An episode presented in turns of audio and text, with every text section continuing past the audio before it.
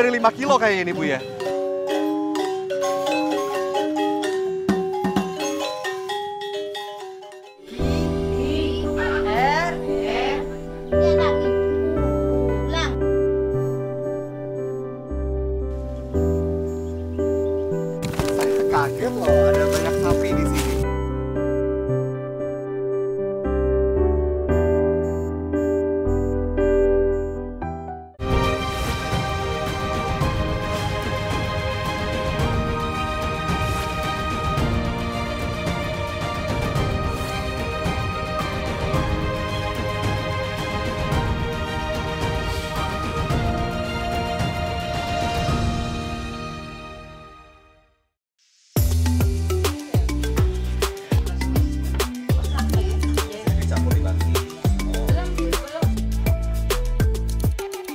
Menjadi tradisi, para ibu di Desa Sakra, Kabupaten Lombok Timur, Nusa Tenggara Barat bergotong royong menjelang pesta adat digelar. Urusan dapur, merekalah yang bertanggung jawab. Seperti Kasmiati yang jago bikin sambal nih. Bersama teman-temannya, Kasmiati mendapatkan tugas memasak. Nasi, ayam bakar, sayur, buah, kue, dan serbuk ditaruh di atas nampan. Mereka menyebutnya dulang. Hari ini menjadi hari sibuk bagi warga di Desa Sakra. Mereka akan ikut memeriahkan Festival Bale Langgak, sebuah pesta rakyat Desa Sakra yang digelar setiap tahun. Parade Tembolak Beak menjadi salah satu kegiatannya.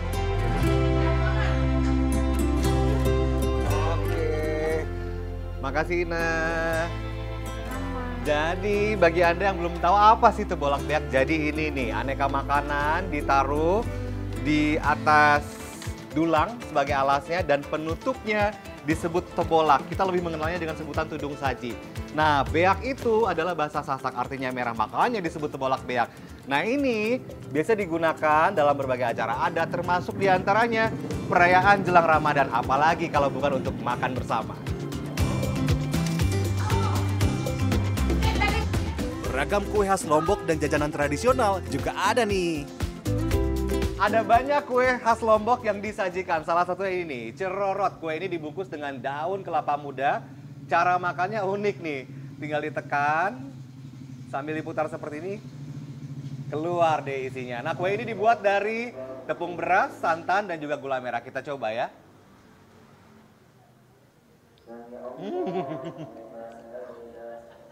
Yang pasti teksturnya kenyal, manis, tapi ada gurih-gurihnya dari santannya. Saya suka yang ini, enak loh. Musik kelentang nunggal mulai dimainkan. Pertanda parade tembolak beak dimulai. Parade tembolak beak menjadi bagian penting dalam rangkaian festival Bale Langgak nih. Warga beramai-ramai membawa tembolak beak sambil berjalan kaki. Ini sebentuk-bentuk gotong royong eh, masyarakat Sakre terhadap kegiatan ini. Begitu antusiasnya dia mendukung kegiatan ini sehingga dia rela untuk mengeluarkan nasi, lauk pauk, ikan segala macam dan bentuk-bentuk dari hasil bumi. Tembolak beak diusung oleh para perempuan di atas kepala. Hmm, berat gak ya? Sebenarnya dalam adat istiadatnya yang membawa tembolak beak ini harus perempuan. Kenapa Bu? Karena ini tugas perempuan ya. Jadi eh, tugas perempuan suku Sasak ini yang memasak, yang menyiapkan makanan, dan dia membawa makanan juga harus perempuan. Itu yang paling dijaga ya Bu ya. Saya pengen coba-coba aja ikut berat nggak ya? Ternyata ini lumayan. Ini kalau saya angkat lebih dari 5 kilo kayaknya ini Bu ya. Isinya ada nasi, buah-buahan, dan lauk pauk. Capek nggak Bu? Saya sih capek. Lumayan. Oke, kayaknya saya harus kasih ke Ibu nih. Lumayan berat soalnya. Ini Bu. Yeay, semangat ya Bu.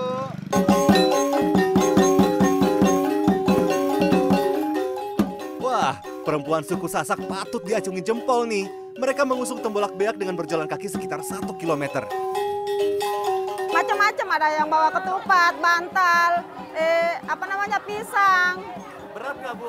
Enggak, Nggak enggak berat? berat, iya. Tetap semangat tapi? Iya, semangat dong. Kenapa? Banyak teman-temannya juga kan ini, harus semangat. Lebih dari seribu warga berpartisipasi dalam parade ini. Mereka meramaikan festival tahunan ini sebagai ungkapan syukur atas hasil panen. Mengusung tembolak beak beramai-ramai seperti ini telah menjadi tradisi suku Sasak di Lombok Timur. Bahkan menjadi atraksi wisata budaya yang sayang untuk dilewatkan. Perjalanan ratusan tembolak beak yang dibawa warga berakhir di lapangan ini.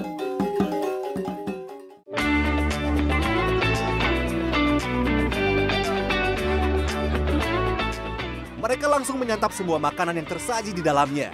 Mereka menyebut tradisi makan bersama ini begibung. Ayo Ina kita makan.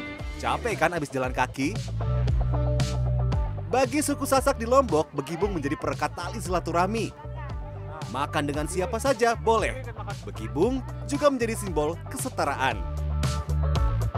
Salah satu filosofi yang terkandung dalam tradisi ini adalah mempersatukan masyarakat baik antar dusun maupun antar desa. Tak peduli kita duduk dengan siapa pun, profesi apa pun, yang penting kita duduk berdampingan menikmati sajian yang tersedia. Begibung ini misalnya, makan bersama.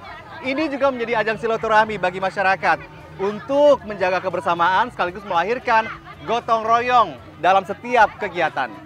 Makan lagi, Bu.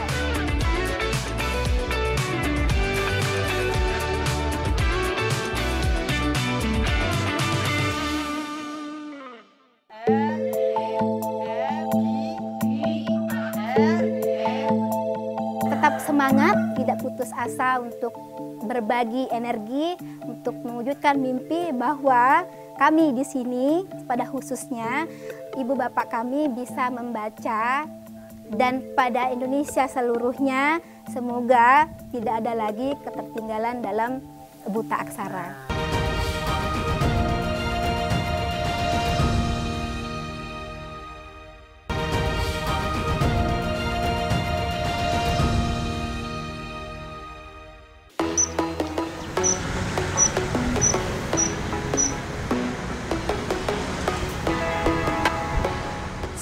Wisata budaya, Pulau Lombok terkenal dengan keindahan wisata alamnya. Menjajal keindahan Gunung Rinjani sebagai Taman Bumi Dunia UNESCO atau menikmati pesona pantai yang tersebar di kawasan pesisir Pulau Lombok bisa menjadi pilihan. Bukit-bukit di kawasan pantainya pun menawarkan pemandangan yang eksotis. Salah satunya ini nih, Bukit Seger di Kabupaten Lombok Tengah. Dari sini saya bisa melihat megahnya sirkuit Mandalika.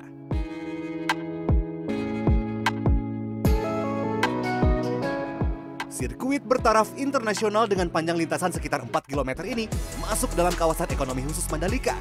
Tahu kan Mandalika adalah salah satu destinasi super prioritas di Indonesia?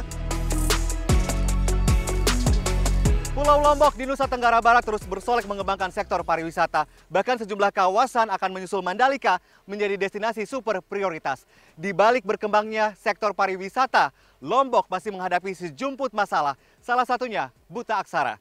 Kemendikbudristek mencatat angka buta aksara di Kabupaten Lombok Tengah pernah mencapai 13,8 persen dari jumlah penduduk yang ada. Angka ini jauh lebih tinggi dari angka buta aksara nasional sebesar 1,56 persen.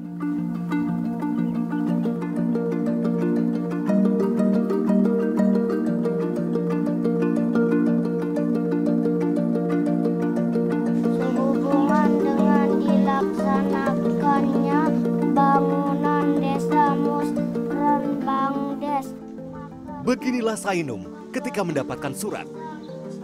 Jika keluarganya sedang tak di rumah, ia meminta tolong tetangganya untuk membacakan surat yang diterimanya. Hadiri acara murtam Warga dusun-dusun desa Pengunak Lombok Tengah ini belum bisa membaca dan menulis. Ndek kuah. Ndek kuah sama sekali. Eh, anu si jalan lalu mengkuli like tadi di tolong dah sekolah si dengan tawa tu lalu lalu ke sawah pergi ke sawah. Melit beraja di seketahun kena. Nggih hadis hadis sendip bongoh hadis bau arak ketahun kena sekedindit se bongoh lalu.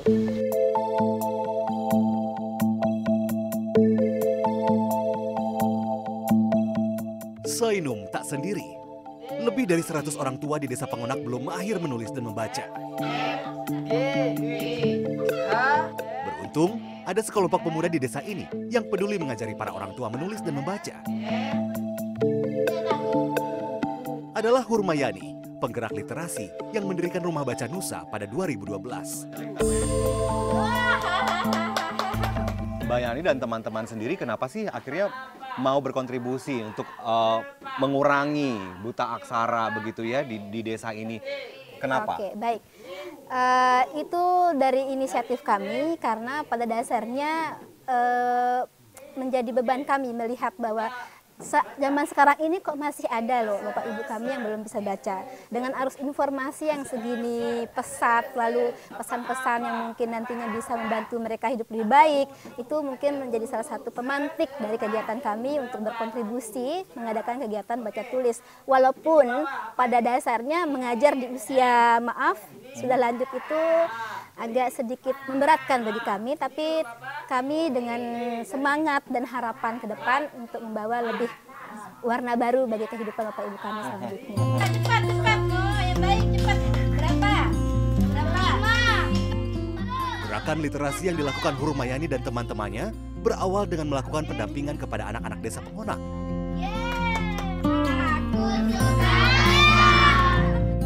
Tujuannya meningkatkan budaya membaca. Ada trik tersendiri mungkin supaya eh, semangat membaca dan menulis ini tertular kepada orang-orang tua lainnya antar orang tua satu dan dua tetangganya lagi. Bagaimana caranya Mbak Yani? Ah, baik, Eh, kami dalam hal ini mencoba mengadopsi beberapa cara belajar baik maupun anak-anak. Kami eh, letakkan juga bagaimana mengajar di orang tua. Salah satunya yaitu menampilkan tutur sebaya. Intinya di sini adalah merasa eh, tertantang ibu bapak kami yang belum baca dengan melihat temannya yang tadinya sudah membaca. Dan ini juga membantu kami eh, bagaimana mereka merasa nyaman belajar dengan sesamanya. Dinas Pendidikan dan Kebudayaan Kabupaten Lombok Tengah mencatat pada tahun 2023 dari 1.090.000 penduduk di Lombok Tengah ada sekitar 71.300 warga yang buta aksara atau 6,5 persen. Sebelumnya, di tahun 2018, Badan Pusat Statistik pernah mencatat angka buta aksara di Lombok Tengah mencapai 18,5 persen.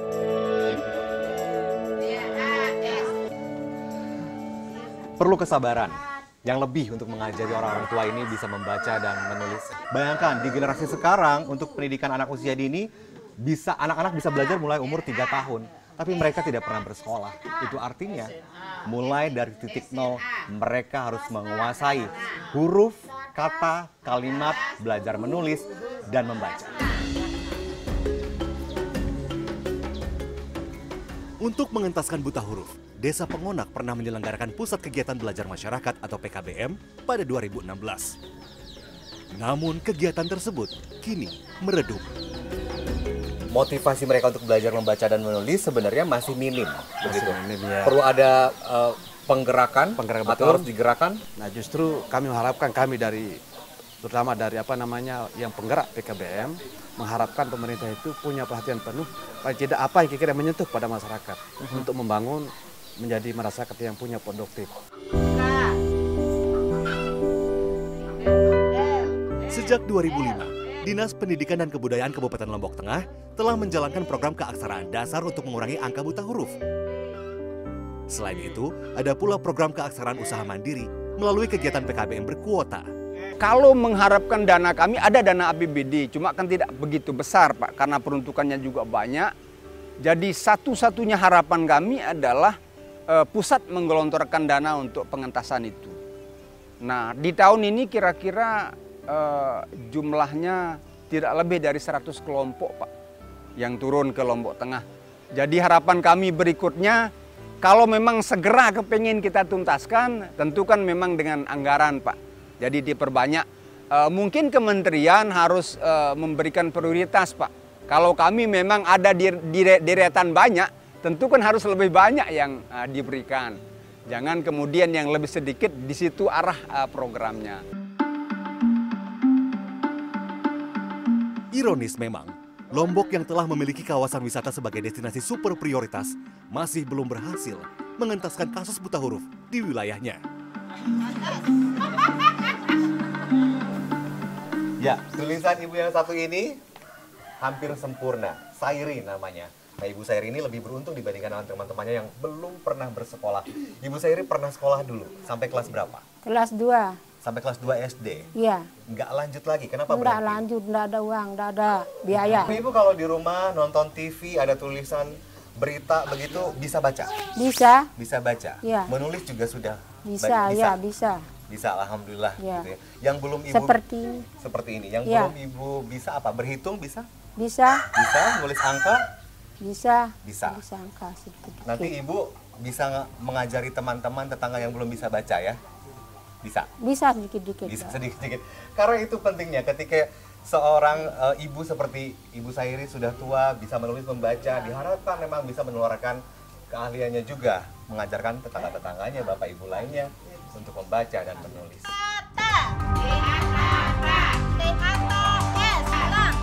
Pemerintah perlu mencari solusi cepat dan tepat untuk mempercepat pemberantasan buta aksara. Tetap semangat, tidak putus asa untuk berbagi energi untuk mewujudkan mimpi bahwa kami di sini pada khususnya ibu bapak kami bisa membaca dan pada Indonesia seluruhnya semoga tidak ada lagi ketertinggalan dalam buta aksara.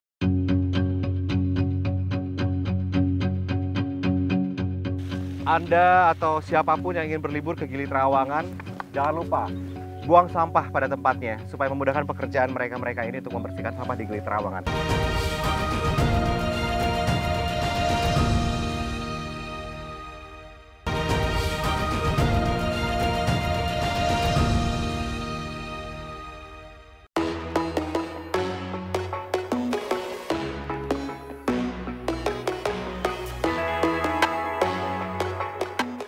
Lengkap rasanya berwisata ke Lombok tanpa menyambangi pulau-pulau kecil di sekitarnya. Gili Trawangan adalah salah satu pulau di wilayah Kabupaten Lombok Utara yang selalu ramai dikunjungi, terutama turis mancanegara.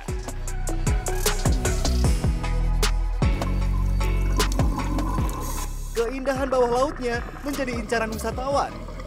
Bahkan wisata patung bawah laut ada di sini. Bersantai menikmati pantai berpasir putih atau berkuda menjadi sensasi tersendiri.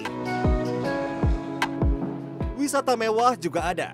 Hampir setiap resort dan hotel di Gili Trawangan menawarkan atraksi wisata tersendiri. Makanya, pulau ini menjadi surga bagi wisatawan milenial. Tapi jangan salah, ada sisi lain di Gili Trawangan. Pulau ini masih berjuang menyelesaikan masalah sampah. So uh, in the beginning, I, I drive around my bike like, around the island. I didn't see any anyways like you know, not not much. I, I missed a few like bins, so I didn't know where to put my waste. When I have something, that was a bit confusing. And then once I want to go from the from the other side to this side to the sunset side with the bike, and I want to do a shortcut like through the middle. And I saw like huge mountains of waste. It's like wow, okay. Like the outside of the island is so beautiful, inside it's so ugly. That's really sad. Yeah, it made me sad. Pagi ini, saya bertemu dengan Saparwadi, petugas kebersihan di Gili Terawangan. Kami menggunakan bak sampah dengan kuda untuk berkeliling mengangkut sampah di pulau ini.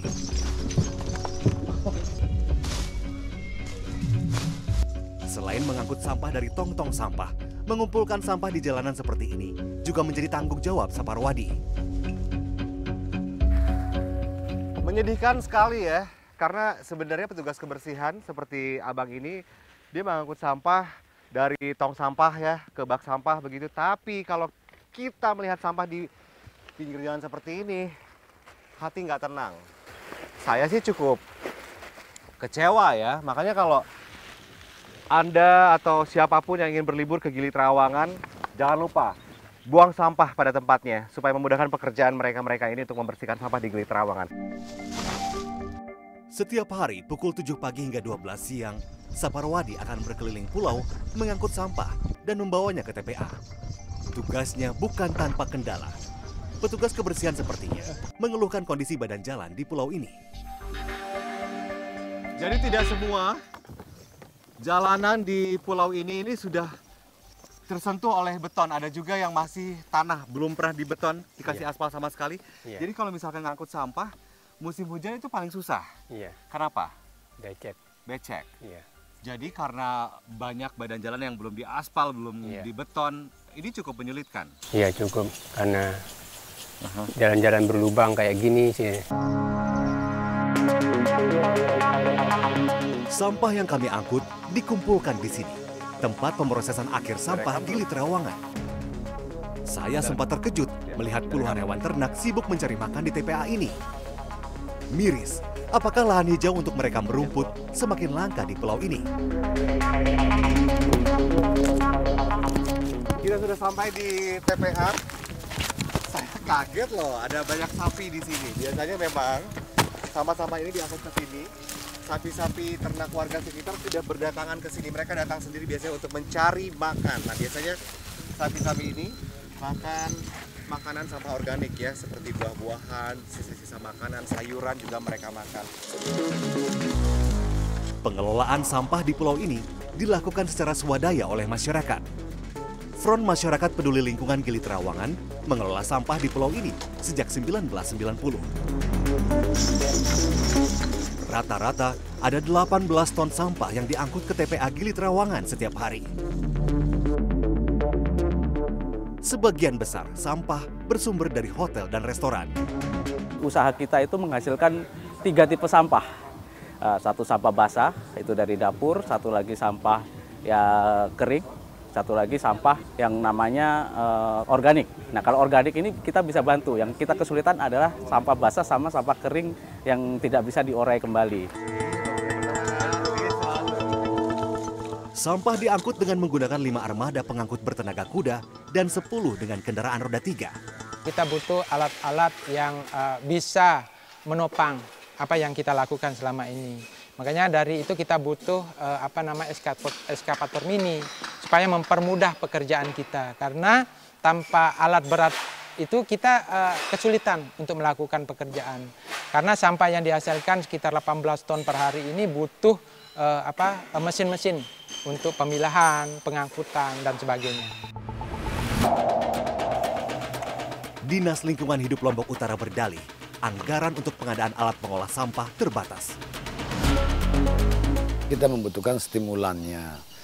Nah, kami sudah berupaya baik di Pemda di, di APBD daerah juga maupun di eh, pusat tidak ada alokasi khusus maupun APBN ya masih diupayakan memang untuk eh, ekskavator mininya gitu ya. termasuk untuk pirolisisnya nantinya juga kita sudah berupaya. Harus ada investor. Ya jadi ke depan ada investor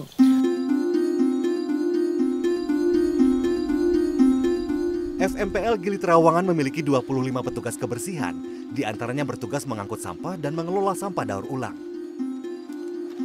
Di TPST yang dibangun pada 2017 inilah mereka memilah sampah.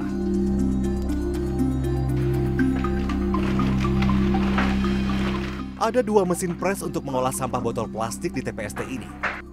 Usai dipres, botol-botol plastik dikemas untuk dijual. Oke. Berat banget ya. Ini berapa ini? Beratnya? Bisa 30 kg. Berat sekali. Jadi botol plastik yang sudah dipres, di packing seperti ini, dikemas nanti akan dijual ke pengepul ke Pulau Lombok terlebih dahulu. Harga jualnya berbeda-beda. Kalau botol bening seperti ini, harga jualnya ini per kilogramnya Rp4.000. Sementara untuk yang warnanya biru 3.500, kalau warna yang campur itu Rp3.000. Selain sampah plastik, botol kaca juga turut andil menambah volume sampah di pulau ini. Botol minuman menjadi salah satu pemasok sampah terbesar di Gili Trawangan. Nah, botol kaca seperti ini dalam satu hari mereka bisa mengumpulkan 40 sampai 50 karung botol kaca seperti ini. Berarti bisa sampai satu ton satu hari. Mereka harus putar otak bagaimana cara mengolah sampah botol kaca seperti ini. Botol-botol berbahan kaca dicacah dengan menggunakan mesin penghancur kaca. Pasir kaca ini akan diolah menjadi bahan bangunan batako seperti ini. Bahannya adalah pasir kaca, semen, dan juga air. Satu sak semen ini bisa menghasilkan sekitar 100 batako. Harga jualnya per buah Rp4.000. Jadi nilai ekonominya cukup tinggi loh. Tapi sayang, belum banyak yang menggunakan batako berbahan pasir kaca ini di pulau ini untuk bahan bangunan. Padahal kekuatannya bisa lebih atau dua kali lipat lebih kuat daripada batu bata yang berbahan pasir maupun tanah liat.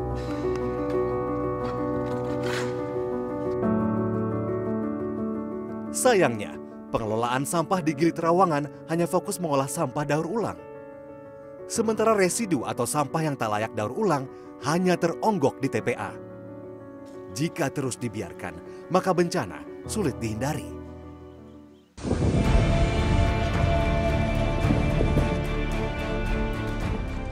...21 Juli 2023, TPA Gili Terawangan terbakar.